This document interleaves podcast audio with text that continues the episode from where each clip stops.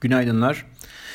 Geçen haftaki YouTube yayınımızda bahsettiğimiz üzere e, git kısmına çok katılmamakla birlikte Mayıs'ta sat kısmı çalışacak gibi gözüküyor.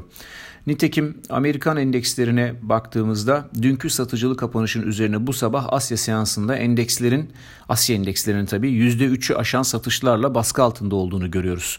Amerikan endeks vadelileri ise henüz 10 yıllık tahvil getirisinde hızlı bir artış olmamasına rağmen kırmızıda işlem görüyor. Tahvil faizde yukarı hareketlendiğinde Nasdaq başta olmak üzere endekslerdeki satış derinleşecektir. Hatırlarsanız e, bugüne kadar olan çalışmalarımızda hep özellikle Nasdaq hisselerinin faizlere karşı aşırı hassasiyet gösterdiğini ve e, bu son dönemde faizdeki artış karşısında Nasdaq hisselerinin zayıfladığını, zayıf kaldığını söylemiştik. Bu dinamik hala devam ediyor. Bu anlamda e, eğer son dönemde bahsettiğim Amerikan 10 yıllık tahvil faizinde 1.80-1.50 arasındaki bandın üst sınırına doğru hareketlenirse tahvil getirileri e, Nasdaq hisseleri biraz daha e, hırpalanacaktır diye düşünüyorum. E, bu anlamda dünkü sabah notlarında bahsettiğimiz haftalık grafik senaryosuna bakarsak Nasdaq için e, faydalı olacaktır. Bu anlamda e, olası satış dalgasında Nasdaq'ın nereye kadar sarkabileceği hakkında bir fikir verecektir alternatif bir senaryo olarak. Ayrıca günlük baza geldiğimizde Nasdaq vadesi bu sabah itibariyle 50 ve 100 günlük hareketli ortalığın altına sarkmış durumda. Bu şekilde veya daha da düşerek gerçekleşecek bir günlük kapanış teknikçiler için satış teyit edecektir. Dolayısıyla bundan sonrasında başka yerlerde de satışa yönelik analizleri artık e, daha fazla görmeye başlarız. Endekslerle birlikte emtia piyasasında da bir miktar satış gelmeye başladı. Son iki haftada parabolik yükselerek önceki yükselişlerdeki ölçü boylarının üzerinde bir hareketle artan bakır ve demir cevheri fiyatları karakteristik olarak bir tükenme rallisi yani exhaustion rally dedikleri bu tükenme rallisi özelliklerini gösteren bu hareketten sonra dün geri çekildi. E, bu harekette yani hangi gün olacağını söylemek bilmek zor çünkü e, tarihsel olarak teknik analiz nedir? Geri eş, geçmişteki hareketlerin tekrarına yakınsamasını beklenir ama geçmişteki hareketleri egzecere eden aşan bir hareket yapıyor. E, gününü tutturmak çok zor ama şunu bilmek kolay. E, bunun bir e, piyasa reaksiyonunu bilen birisi bunun bir tükenme rallisi olduğunu anlar ve e, önümüzdeki birkaç gün içerisinde veya belki birkaç hafta içerisinde sıkı bir geri çekilme gelebileceğini tahmin edebilirdi. Bizim de tahminimiz zaten aslında buna dayanıyordu ama tesadüfen tam da dün bu konuyu gündeme getirmiştik. Dün de sert bir satış geldi. E, ayrıca dünkü bu burası e, sanayi metalleri tarafı. Bir de e, dün yine yayınladığımız CFTC özet tablosunda e, bahsettiğimiz üzere tahıllarda da hava koşulları kaynaklı gelişen son ralli kalıcı olmadı ve emtia kompleksine gelen e, satışla birlikte orada da bir e, satış görüldü. Endekslerdeki hareketle birlikte emtia piyasalarında oluşan köpüğün erimesi için satışların biraz daha devam edebileceğini düşünüyoruz. Yani e, şimdilik piyasaya, e, emtia piyasasına biraz daha short bacaktan bakmak galiba yerinde olacak. E, bu arada Avrupa Merkez Bankası Baş Ekonomisti Philip Lane dün Le Monde gazetesine verdiği röportajda elverişli finansman koşullarını sürdürebilmek için Haziran toplantısında varlık alımlarının hızını azaltabileceklerini söyledi. Bu arada hatırlatalım Mayıs'ta toplantı yok. Yani bir sonraki toplantıda e, tahvil alımlarını azaltacaklar, azaltabileceklerini söyledi. Bu düşünceye baz teşkil eden ana sebep e, Euro bölgesi büyümesinin gelecek baharda 2019 seviyesine ulaşacağı yani Covid öncesi döneme ulaşacağını bekliyorlar. Ayrıca e, cari kamu borçlarının endişe yaratmayacak seviyede olması ve ekonominin düşük bir bazdan da olsa hızla büyüyeceği beklentisinin hakim olması. Dolayısıyla böylece Avrupa Merkez Bankası'nın da aslında e, şahin bakış açısıyla Fed trenine katıldığını görüyoruz. Petrol tarafına baktığımızda Colonial Pipeline e, şirketi siber saldırı sonrasında akaryakıt akışının kısa zamanda eski haline gelebileceğini söylüyor. Ama Biden bu konuyu Rusya ile ilişkilendirdi. Dolayısıyla iki ülke arasında erimeye başlayan buzlar sanki yeniden e, gündeme gelebilir gibi, riskler yine artabilir gibi gözüküyor. E, bakalım bunu izleyeceğiz. E, petrol tarafında yine e, baktığımızda satışların derinleşmese de kendisini gösterdiğini görüyoruz birkaç gündür. Goldman Sachs'ın petrol hedefini yükseltmesine rağmen e, şimdilerde petrolde aşağı yönlü bir salınım için short taraftan pozisyonlanmak sanki daha doğru gibi geliyor. Nitekim dün bahsettiğimiz bir e, petrol ETF'i vardı. Petrol hisseleri ETF'i vardı. XLE diye.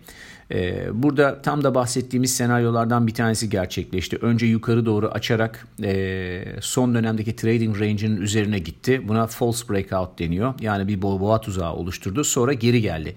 Şimdi önümüzdeki günlerde hem petrol fiyatında biraz geri çekilme hem de endekslerde biraz geri çekilme olacak olursa petrol hisselerinden oluşan bu sepetinde geri gelmesi çok büyük ihtimal. Dolayısıyla belki bu noktada e, opsiyon piyasasını bilen yatırımcılar için e, put opsiyonları veya put spreadleri e, tercih edilebilir.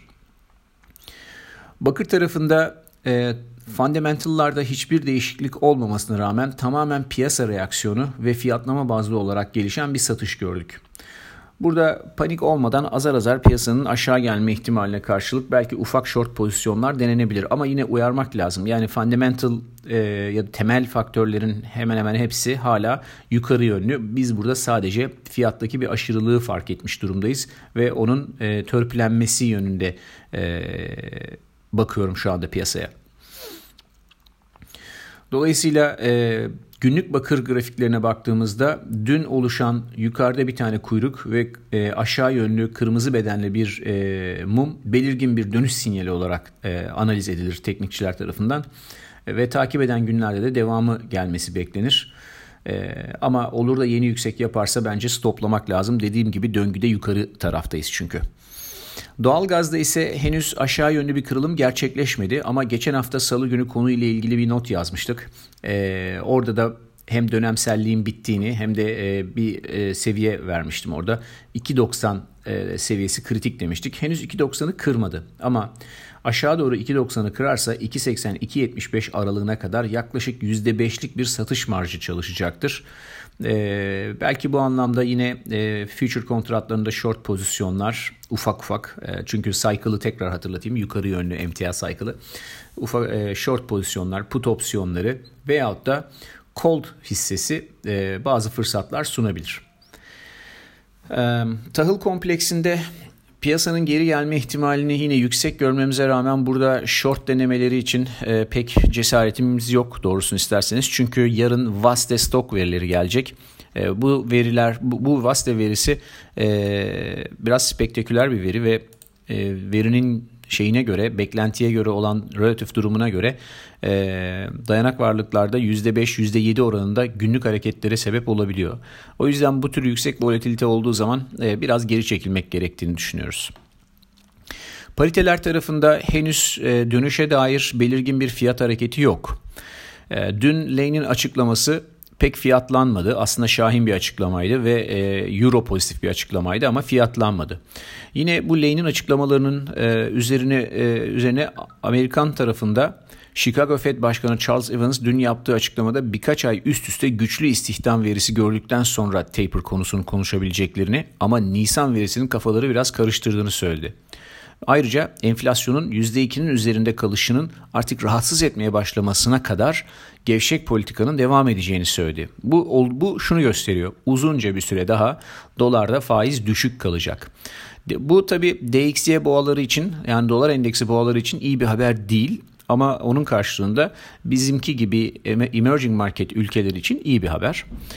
E, buna karşılık dün yine Dallas Fed Başkanı Robert Kaplan e, zaten bu şahin birisiydi. Şahin görüşlü birisiydi. Yine şahin bir açıklama yaparak e, dedi ki özellikle eğlence ve ağırlama sektörünün açılmasından sonra trendin istihdamda güçlü bir artışı ve toparlanmayı desteklediğini söyledi. Aslına bakarsanız iki tane Fed başkanından iki ayrı uçta gelen açıklamadan açıklama oldu. Dolayısıyla pek yön verici bir gün olmadı.